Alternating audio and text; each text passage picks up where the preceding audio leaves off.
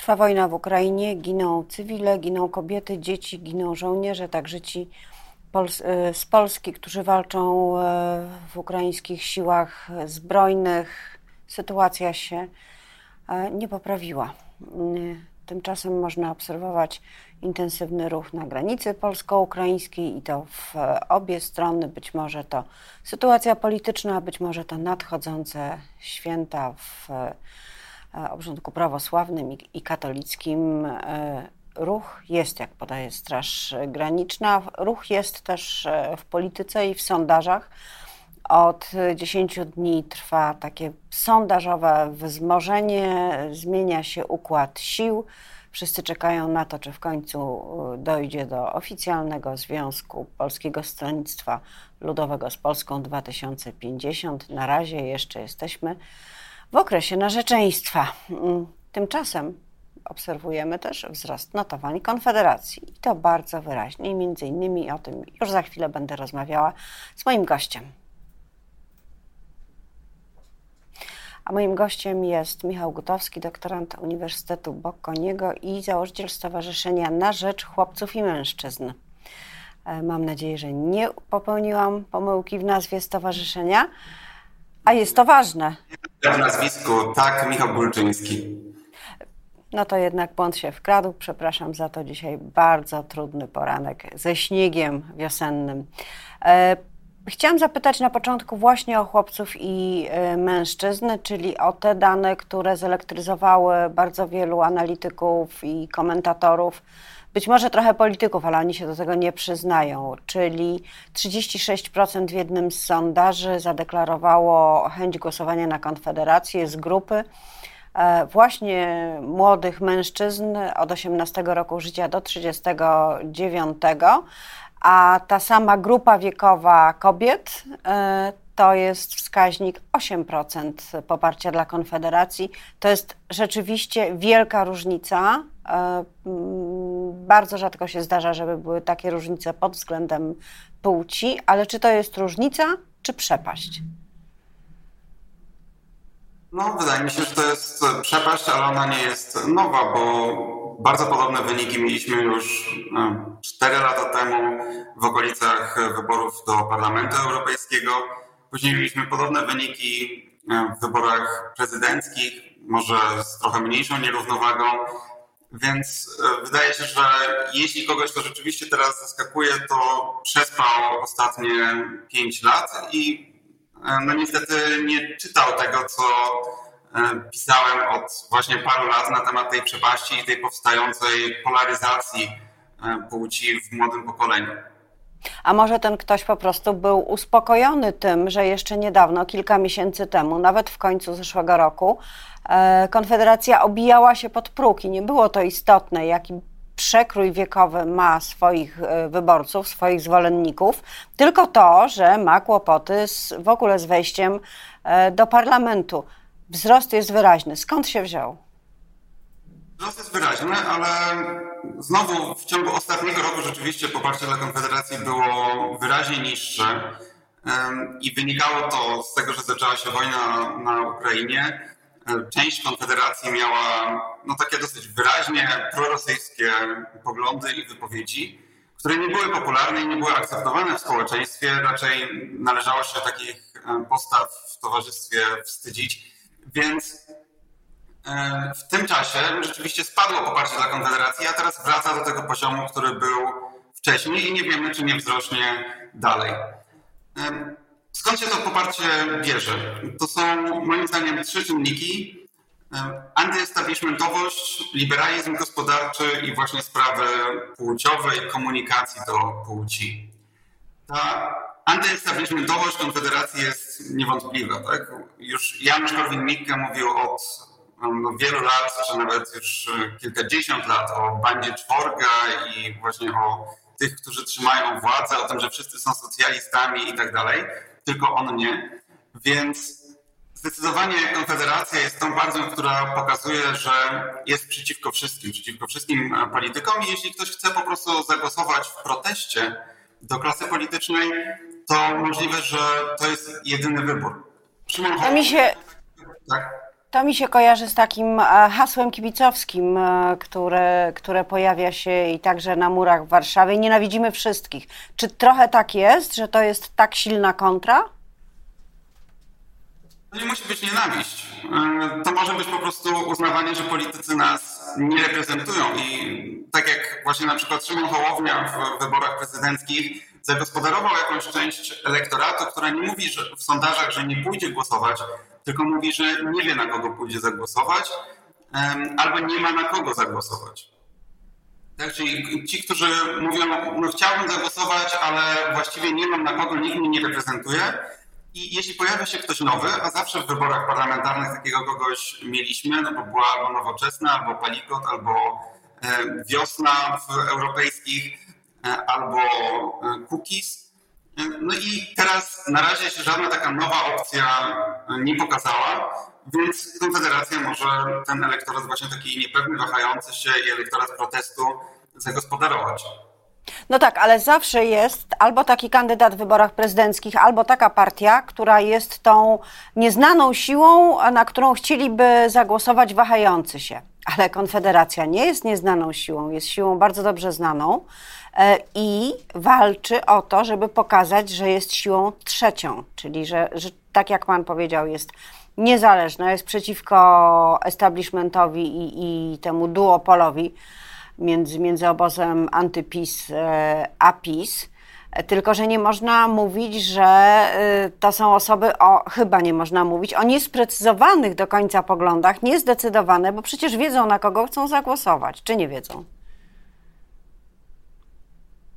Wydaje mi się, że Konfederacja rzeczywiście jest partią o no, dosyć określonych poglądach, ale o różnych, e, trafiających do różnych typów elektoratu. Jeden elektorat to, jest, to są ci właśnie liberałowie gospodarczy, czyli ci, którzy e, chcą, żeby nie było podatków albo żeby były znacznie mniejsze, e, a drugi typ wyborcy, do którego trafia Konfederacja, to są powiedzmy nacjonaliści i konserwatyści E, więc Konfederacja jest znana, teraz umiejętnie odnawia swój wizerunek, to znaczy usunięto w cień e, Janusza Korwin-Mikkego. Grzegorza Brauna też e, wydaje mi się, że trochę mniej widać, natomiast wchodzi ta nowa, świeża twarz Sławomira Mencena, który mm, robi furorę na TikToku wśród młodych właśnie, wśród tej grupy już dorosłych, ale wciąż, ale tych właśnie, którzy będą głosować po raz pierwszy. Tam, z tego co widziałem, ma 20 milionów wyświetleń swoich filmików w ciągu miesiąca. I odstaje zupełnie od, od wszystkich pozostałych polityków poza Donaldem Tuskiem. I po prostu trafia do tego właśnie młodego, nowego elektoratu i do tych, którzy już wcześniej głosowali albo byli na Konfederację, albo byli wystarczająco blisko, żeby zagłosować. Jaka jest wiadomość, którą ma do przekazania e, wahającym się i tym, którzy już się opowiadają jako zwolennicy Konfederacji, na przykład Sławomir Mencen w e, filmikach? Przede wszystkim jest to wiadomość e, liberalna gospodarcza. To znaczy dająca, tak jak mówi nazwa jego partii, nową nadzieję. I to jest bardzo ważne w polityce, żeby dawać nadzieję i mieć wizję jakąś przyszłości, żeby pokazywać swoim wyborcom, na co oni głosują, jak będzie wyglądać ich lepsza przyszłość. I Sławomir Mencen pokazuje się jako taki przedsiębiorca, jako człowiek sukcesu, może trochę jak Donald Trump właśnie, czyli mimo, że te jego biznesy, to znaczy Donalda Trumpa, wszystkie plajtowały i raczej nie były udane, to on i tak potrafił się pokazać jako człowiek właśnie zarabiający pieniądze i taki ideał, do którego by można dążyć. Więc Sławomir Mencen mówi, że pracuj i będziesz miał i nikt ci tego nie zabierze. Jeśli będziesz ciężko pracować, to będziesz sporo zarabiać i państwo nie będzie tego opodatkowywać, nie będzie ci w tym przeszkadzać i nie będzie zarabiać Twoich e, pieniędzy. Do tego daje bardzo proste recepty, właśnie takie jak na przykład zmniejszenie podatków albo uproszczenie systemu podatkowego i tak dalej. Trochę jak Unia Polityki Realnej, trochę jak Unia Polityki Realnej, która też cieszyła się bardzo dużym poparciem e, wśród osób młodych i wśród e, takich, które mają swoje niewielkie biznesy, szczególnie w mniejszych miejscowościach. Tak, tylko że teraz to poparcie jest jednak większe w, dla Konfederacji i dla samego Mencena niż dla Unii Polityki Realnej. I kiedyś mówiono, że wyborcy wyrastają z głosowania na Korwina. To znaczy, że taki klasyczny czy taki przeciętny wyborca czy osoba popierająca Korwina to jest gimnazjalista, ale e, teraz już tak nie będzie. Tak? Nie ma co liczyć na to, że nagle masowo ci wyborcy, nie wiem, dojrzeją, wyrosną z liberalizmu gospodarczego, e, dlatego że zmienił się też nasz styl życia przez te 30 lat, kiedy właśnie od, od czasu, kiedy Unia Polityki Realnej i pierwsze partie z tego środowiska działały. Mm, dzisiaj znacznie później zakładamy rodziny na przykład, w związku z czym mężczyźni też później się żenią, później mają dzieci, później zaczynają doceniać takie rzeczy jak przedszkola czy jak publiczna służba zdrowia i w tym czasie ich e, poglądy prawdopodobnie się stabilizują, więc są przeciwko właśnie inwestowaniu państwa w rodziny, przeciwko dawaniu na przykład 500, przeciwko emeryturze 13, 14, matka 4 i też przeciwko temu, o czym mówi e, opozycja, tak? bo opozycja zaczyna swoją kampanię od babciowego i renty wdowiej Tymczasem dla mężczyzny ta wizja emerytury jest bardzo odległa i niepewna, bo co czwarty mężczyzna nie dożywa wieku emerytalnego. Czyli jeśli wyobrazimy sobie takiego młodego mężczyznę, który ma 20-30 lat, on widzi wokół siebie, że właśnie jego dziadkowie, ojcowie, mm, znajomi nie dożywają emerytury całkiem często, no to jest całkiem zrozumiałe, że on się jednak sprzeciwia temu, żeby dawać właśnie emerytom 13, 14 emeryturę i tak samo emeryturę właśnie wdowią, wdowią czy babciowe i tak dalej.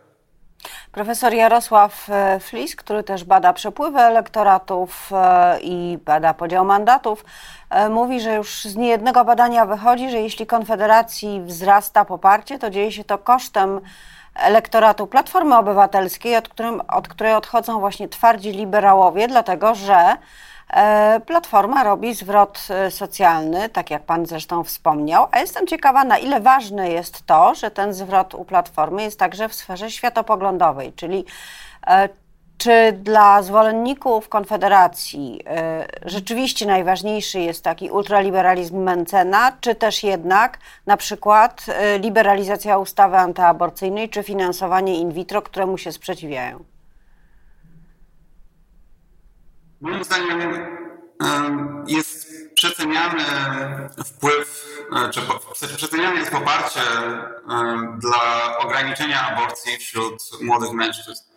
To znaczy, można dotrzeć na pewno do młodych mężczyzn z komunikatem, że liberalizacja ustawy aborcyjnej im też się opłaca, dlatego że młody mężczyzna też prawdopodobnie może się obawiać tego, że przez przypadek jego dziewczyna zajdzie w ciążę, że będą musieli, że będzie musiał utrzymywać dziecko, płacić alimenty, że być może dziecko urodzi się niepełnosprawne i chciałby takiej aborcji dokonać chciałby, żeby jego dziewczyna dokonała takiej e, aborcji. Więc e, wydaje mi się, że, że to nie jest aż tak istotne, e, ale rzeczywiście Donald Tusk i, i Platforma Obywatelska coraz bliżej są tego, co dotychczas głosiła głównie lewica. Dlatego jeśli ktoś ma podejście trochę bardziej zachowawcze, trochę bardziej konserwatywne, to prawdopodobnie utwierdza go to w tym przekonaniu, że no, te elity, powiedzmy, liberalne czy kosmopolityczne, trochę mu odpływają. Więc z jednej strony rzeczywiście to jest ten liberalizm gospodarczy, z drugiej e, to jest e, to, ta zmiana e, narracji światopoglądowej. No i przy liberalizmie warto jeszcze dodać, że od Kongresu Liberalno-Demokratycznego właściwie zawsze była partia, która proponowała podatek liniowy 15%. Bo była Unia Wolności, była Platforma Obywatelska, była potem Nowoczesna i teraz ci wyborcy, którzy zagłosowaliby na taką partię, nie mają takiej opcji centrowej. Tak? Czyli jeśli ktoś właśnie chciałby być, wierzy w siebie i zazwyczaj taki młody mężczyzna e, wierzy w siebie i uważa, że jak mu się nie będzie przeszkadzać, to odniesie sukces, no to nie ma teraz takiej opcji, w którą, takiej opcji politycznej w centrum, na którą mógłby zagłosować, która obiecałaby mu właśnie ograniczone państwo i nieprzeszkadzanie, że państwo da mu spokój, zarówno w sferze gospodarczej, jak i światopoglądowej. A na ile istotne w tych zmianach sondażowych jest to, że wchodzą do głosowania w tym roku cztery nowe roczniki, Cztery roczniki e, odeszły, a nawet więcej. Mieliśmy po drodze e, pandemię. E, to nie brzmi dobrze, ale taka jest prawda. Ponad normatywna liczba zgonów, ponad, ponad przeciętną, także sprawiła, że odchodziły te roczniki, które były tradycyjnym zagłębiem głosów dla Prawa i Sprawiedliwości. E, które też e, tych głosów nazbierało w poprzednich wyborach najwięcej w swojej historii, a teraz, no właśnie, pytanie, czy, czy Magdziełowicz, czyli czy wizja ewentualnego współrządzenia Konfederacji Prawa i Sprawiedliwości, e, te młode osoby, głównie jak powiedzieliśmy mężczyzn, zniechęci czy zachęci do tego, żeby dalej Konfederację popierać i żeby dalej jej rosło poparcie? Bardziej istotne od tych nowych roczników są niestety te roczniki właśnie odchodzące, bo one są no może nawet dwa razy większe. Tak? Czyli mamy e, roczniki, które w latach 40., 50. i tak dalej, e, gdzie się rodziło po 600-700 tysięcy e, osób, w 2000 mamy roczniki poniżej 400 tysięcy. Więc Znacznie ważniejsza zmiana demograficzna właśnie dzieje się wśród no, starszych niż wśród e, młodszych, zwłaszcza, że młodzi wyborcy, czyli ci, którzy właśnie na przykład jeszcze nie założyli, nie założyli rodzin, to nie jest aż tak duża grupa, bo to jest może powiedzmy w przybliżeniu 10 roczników. Natomiast potem jest jakieś 20-30 roczników, tych, którzy są rodzicami, którzy mają rodziny i do nich można też kierować bardziej spójny bardziej spójne komunikaty i postulaty. Natomiast co do ewentualnej wizji współpracy między Konfederacją a PiSem, no bardzo dobrze to widać po reakcji Krzysztofa Bosaka, który też powiedział, że on sobie nie wyobraża, czy nie planuje współpracy z PiSem.